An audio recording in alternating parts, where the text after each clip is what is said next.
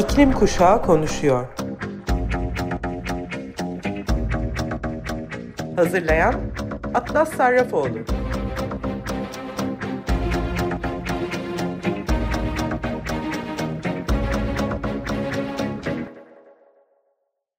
Hepinize merhaba sayın Açık Radyo dinleyicileri. Her cuma saat 2'de yayınlanan İklim Kuşağı Konuşuyor programına hoş geldiniz. Ben Atlas Sarrafoğlu. Programın yapımcısı ve aynı zamanda sunucusuyum. 16 yaşındayım ve 4 senedir Açık Radyo'da program yapıyorum. Evet başka bir konuda televizyonlarda haberlerde ana konu olması gerekirken yine göz ardı edildi. Oysa dünya 1,5 derecelik ısınmayı geçerken bilim insanları iklim şoklarının huzursuzluk ve otoriter tepkiyi tetikleyebileceği uyarısında bulunmuşlardı. Halkın çoğu küresel sıcaklıkların yakında Birleşmiş Milletler'in ısınmayı sınırlamayı umduğu hedefi aşacağının farkında değil gibi görünüyor.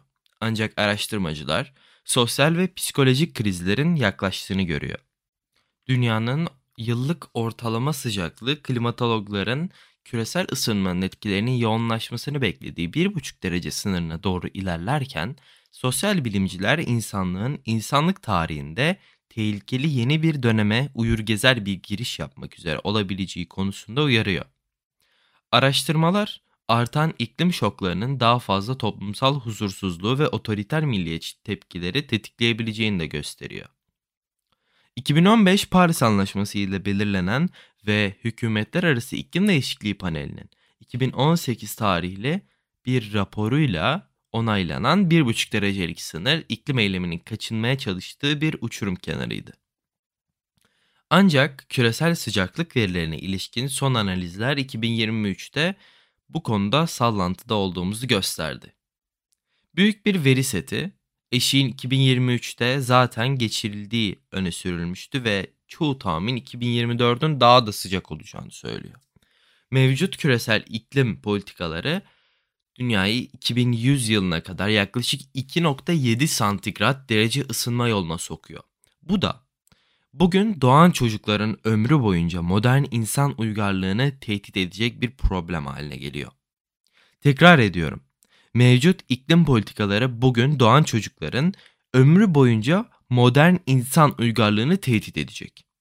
Oysa Paris müzakerecileri ısınmayı 1,5 dereceyle sınırlandırma çabası konusunda kasıtlı olarak belirsiz davrandılar ve hükümetler arası iklim değişikliği paneli hedefi ise 30 yıllık küresel ortalamalar bağlamına yerleştirildi. Yani bu ayın başında Berkeley Earth'ün yıllık iklim raporu dünyanın 2023'teki ortalama sıcaklığının 1850-1900 sanayi öncesi ortalamanın 1,5 derece üzerinde olduğunu işaret ederken bu hedefin ötesine geçtiğimizi gösteren ilk adım bu oldu. Ancak Viyana Doğal Kaynaklar ve Yaşam Bilimleri Üniversitesi'nden iklim araştırmacısı Reinhard Stewart, yanlış iklim propagandası bombardımanına uğrayan ve artan hayat pahalılığı ve bölgesel savaşlar yüzünden dikkate dağılan insanların bu konuyla pek de ilgilenmediğini söylüyor. Asıl tehlike çevremizde o kadar çok kriz var ki iklim krizi için hiçbir çabanın kalmamış olması dedi. İklim korunmasına daha fazla çaba göstermemek için her türlü nedeni bulabiliyoruz çünkü etrafımızda enflasyon ve savaşlar gibi diğer şeylerle aşırı yüklenmiş durumdayız.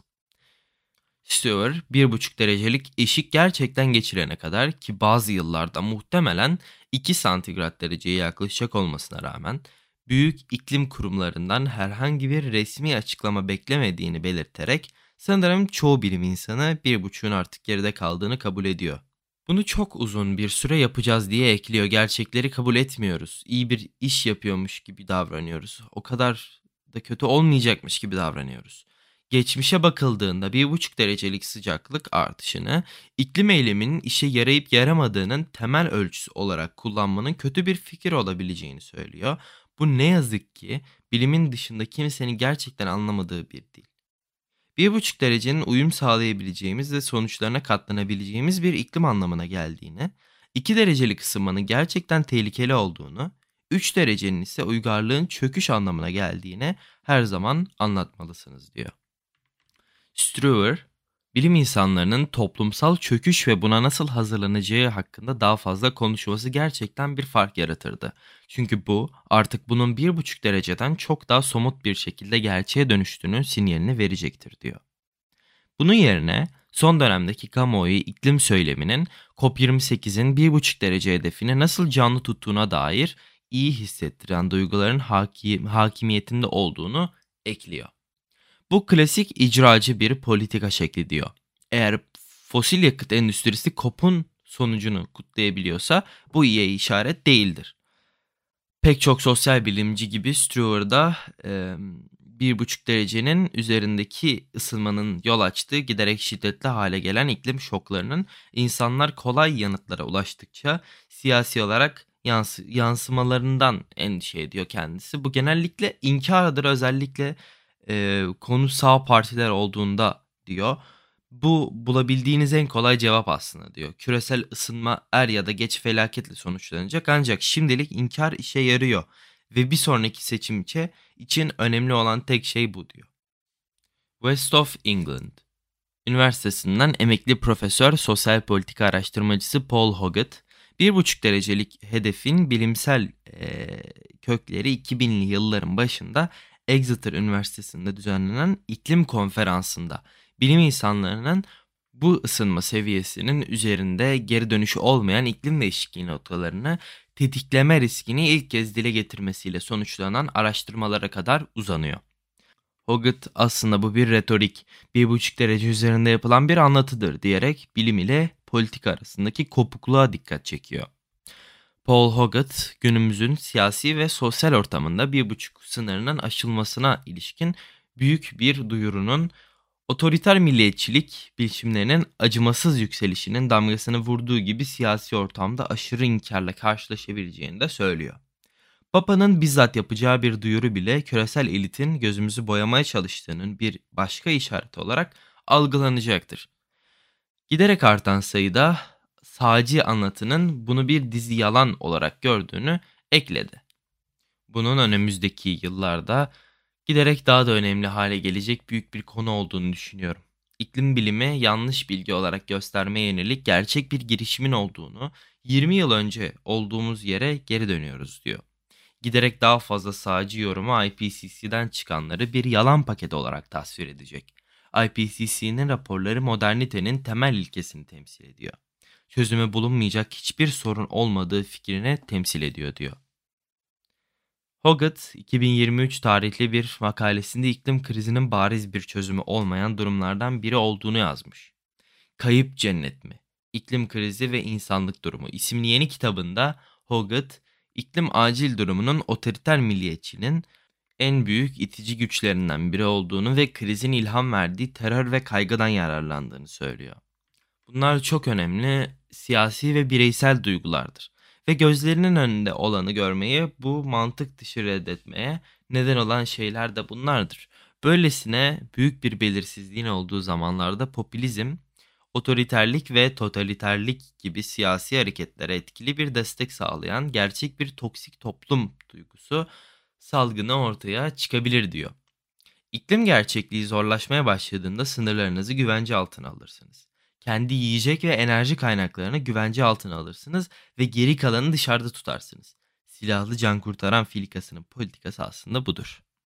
Kuzey Amerika İklim Psikolojisi İttifakı'nın eş başkanı psikoterapist Rebecca Weston da insanların etkileyemeyecekleri şeylerle yüzleşmekten hoşlandıklarını sanmıyorum. Ve travma sırasında insanlar hissedilmesi dayanılmaz olan şeyleri hissetmemek için ellerinden gelen her şeyi yaparlar. 1,5 derecelik sınırın yakında ihlal edilmesinin kamuoyunu rahatsız etmemesinden bir nedeni de bu olabilir diyor. Kendimizi korkudan koruyoruz. Gelecek nesiller adına kendimizi derin acılardan koruyoruz. Kendimizi suçluluk ve utançtan koruyoruz. Ve fosil yakıt endüstrisinin de bunu iyi bildiğini düşünüyorum.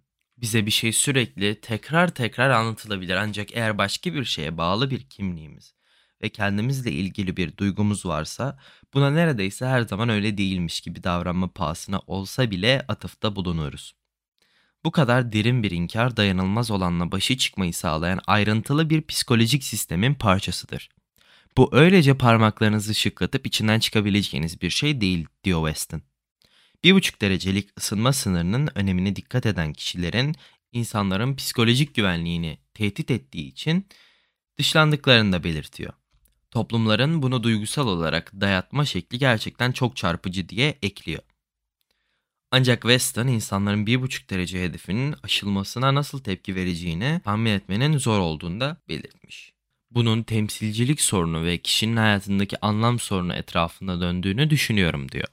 Ve bence bu tesadüfen değil küresel olarak meydana gelen siyasi krizler Avrupa ve ABD'deki aşırı sağ kayma ve Arjantin'deki değişim gibi dünyada aynı anda olup biten pek çok başka şey de rekabet içinde. Bunların ilgisiz olmadığını çünkü temsilcilik eksikliğinin yanlış, dışlayıcı çözümlere ve otoriterliğe yönelik bir özlem ürettiğini söylüyor.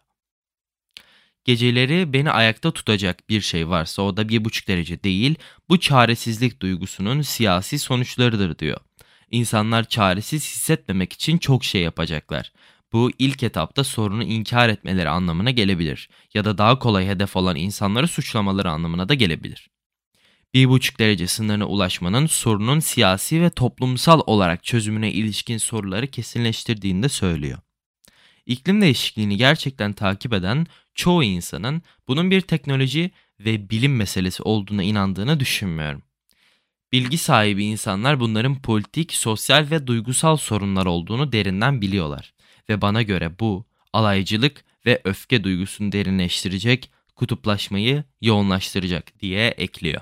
Amerikan Üniversitesi Uluslararası Hizmet Okulu'nda profesör ve çevre, toplum ve eşitlik merkezinin yöneticisi olan sosyolog ve yazar Dana Fisher ise küresel sıcaklığın 1,5 derece sınırını aştığını halktan fazla bir tepki almadan izlemek son yıllarda iklim değişikliğinin fiziksel bilimine odaklanmanın insanların ve toplulukların küresel ısınmadan nasıl etkileneceğine ve tepki vereceğini inceleme pahasına yapıldığı fikrini güçlendirdiğini söylüyor ve şöyle devam ediyor.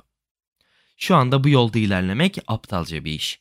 İklim şoklarından kaynaklanan toplumsal çatışmayı, iklim göçünü ve toplumsal süreçlerin değişmesini gereken yolları anlayacak fonların oranı çok düşük. Bunların hiçbiri yapılmadı. 1,5 derece eşiğini geçmenin iklim hareketi öncülüğünün ateşini körükleyeceğini söylüyor. Sistematik değişimin çağrısını yapan politika yapılış şekline ve işlerin olağan seyrine karşı çıkan gruplar bu bilgilerle güçlenecek ve bu insanların daha fazla dahil olduğunu ve daha çatışmacı olduğunu göreceğiz diyor. Ve tarihsel kayıtlara göre iklim aktivizmindeki artışın bir tepki tetiklemesi gayet muhtemel. Kendimizi Kurtarmak iklim Şoklarından iklim Eylemine adlı yazdığı yeni kitapta ana hatlarını çizdiği bu tehlikeli zincirleme reaksiyonda da bundan bahsediyor. Büyük bir aktivizm döngüsünün genişlediğini gördüğümüzde özellikle sivil haklar döneminde gördüğümüz gibi şiddet içermese bile aktivizm daha çatışmacı hale geldikçe karşı hareketlerde bir artış oluyor. Bu çatışmalar aslında yol açacak. Tarihsel kayıtlara bakıldığında sivil itaatsizliğe yönelik baş, baskıcılığı genellikle şiddetin başladığı yer olduğu aslında söyleniyor. Almanya'daki polis baskınları ve hatta iklim aktivizmine yönelik önleyici tutuklamalar ve Birleşik Krallık ile diğer ülkelerdeki benzer baskıcı önlemlerle bu modelin tekrarlanacağına dair işaretler oldukça fazla. İnsanların iklim eylemi için yaptıkları kadar iklim eylemine karşı da baskı yapmalarının üzerine konuşulması gereken önemli bir hikaye olduğunu düşünüyorum diyor. Kaynaklara finansmana ve sübvansiyona ayrıcalıklı erişimi kaybediyormuş gibi hissedecek olanlar var. İklim değişikliğiyle etkili bir şekilde mücadele eden bir hükümetin net bir kazanan ve kaybeden olmadığından emin olarak bununla başa çıkmaya çalışacağını ancak 1,5 derece sınırının aşmanın getirdiği iklim şoklarını toplum, toplumsal gerilimleri daha da kötüleştireceğini ve yoğunlaştıracağını söylüyor bizlere. Yangınlardan çıkan duman, aşırı sıcaklık, su baskını veya geleceğini bildiğimiz diğer olaylar nedeniyle yılın belirli zamanlarında dışarıya çıkamayacağımız daha fazla bölge olacak. Bu sadece daha fazla insanı koltuklarından kalkıp aktivist olmaya teşvik edecek diyor. Yakın zamanda ünlü iklim araştırmacısı James Hansen ise Isınmanın birkaç on yıl içinde 2 derecelik bir ısınmaya yol açacak bir hızla arttığını gösteren makalesinde gezegenin 1,5 derece sınırını aştığı konusunda kamuoyunun bilgisizliğinin daha ne kadar süre güç sahiplerinin sis perdesini dağıtıp önemli bir şey yapıyormuş gibi davranabileceklerine bağlı olduğunu söylüyor. 1,5 derece kurgusunu koruyabilecekleri sürece işlerini yaptıklarını iddia edebilirler diyor. Bilim camiası onların yanında kalmasına izin verdiği sürece sahtekarlık yapmaya devam edecekler. Ancak Kaliforniya'da iklim bilimci ve aktivist olan Peter Kalmus, 1,5 dereceyi geçtiğimiz farkına varıldığında bile bunun sosyal ve politik tepkileri pek değiştirilemeyeceğini söylüyor. Yeterli sayıda insan umursamıyor diyor. 2006'dan beri iklim aktivistiyim. Pek çok şey denedim, pek çok konuşma yaptım ve hala insanların bunu umursaması için ne gerektiğini bilmiyorum. Belki de asla umursamayacaklar. Bu önemli iklim eşitliğinin kenarında kalmanın kalmasın derin bir hayal kırıklığı, üzüntü, çaresizlik ve öfke hissetmesine neden olduğunu söylüyor. Bunu uzun zamandır hissediyorum. Ancak şimdi bu geri dönüş olmayan yerin daha da derinlerine indikçe umursamıyor gibi göründüğümüzde her şey daha da gerçeküstü geliyor. Aslında kimse kesin olarak bilmiyor ama dünyanın sıcaklığının 1,5 derecenin altında kalması hala fiziksel olarak mümkün. Ama herkes istese bile fosil yakıtları bu kadar hızlı durduramayız. İnsanlar ölür, geçiş hazırlık gerektirir ve bu geçişi yapmak istemeyen pek çok insan olduğunu söylüyor Profesör Kalmus. Fosil yakıtları yaygınlaştırma aktif olarak devam etmek isteyen aşırı güce sahip sömürücü kapitalizmden başlıca yararlananlar, milyarderler, politikacılar, CEO'lar, lobiciler ve bankacılar var. Ve bu güçlü insanları durdurmak isteyen çok az kişi de bunu yapmak için nasıl güce sahip olacaklarını hala çözemedi diyor. Kalmus başlangıçta küresel sıcaklık eşiğinin belirlenmesini doğru bulmadığını söylüyor. Benim için insanlığın atmosfere kattığı her fosil yakıt karbondioksit veya metan gazı molekülünün gezegen büyüklüğündeki bir çarkın molekül molekül dönmesi gibi geri döndürülemez küresel ısınmayı çok daha kötü hale getirdiği dayanılmaz derecede açık. Hedef çerçevenin bir erteleme, başarısızlık ve hedef değiştirme döngüsüne uygun olduğunu düşünüyorum diyor. Kalmus iklim etkilerinin gelecekte kötüleşmeye devam edeceğini bu sözlerle açıklıyor aslında. Fosil yakıtlara son vermeyi seçene veya bir medeniyet olarak artık daha fazla fosil yakıt yakacak kadar organize olmayana kadar hiçbir üst sınır yok. Hareketin daha da radikalleşme zamanının geldiğini düşünüyorum. Fosil yakıt sebepli küresel ısınmayı durdurmak insanlık ve gezegen için bir ölüm kalım meselesi. Ancak çoğu insan henüz bunun farkına varmadı diyor. Evet. Programın sonuna geldik bizler için ayrılan sürenin. E, programı geç açan dinleyicilerim için kısaca bahsetmem gerekirse eğer 2023 1,5 dereceyi açtığımız ilk yıl oldu. Manşetlerde görmeyi umduğum bu gerçek ne yazık ki hiç de beklediğim gibi bir ilgi görmedi. Ben de bununla ilgili bilim insanlarının öngörülerini ve yorumlarını sizlere ulaştırmak istedim programımda. Eğer kaçırdığınız kısımların önemli olduğunu düşünüyorsanız bunları Açık Radyo'nun arşivinden tekrar dinleyebilirsiniz, dinletebilirsiniz. Ben Atlas Sarrafoğlu. Bu haftalık benden bu kadar. Sizler iklim haberlerini sundum. Bu hafta sizin için Olivia Rodrigo'dan Can't Catch Me Now isimli şarkıyı seçtim. Haftaya Cuma günü 14'te yeni bir iklim kuşağı konuşuyor programında buluşuncaya dek kendinize, sevdiklerinize ve gezegenimize lütfen çok iyi bakın. Görüşmek üzere.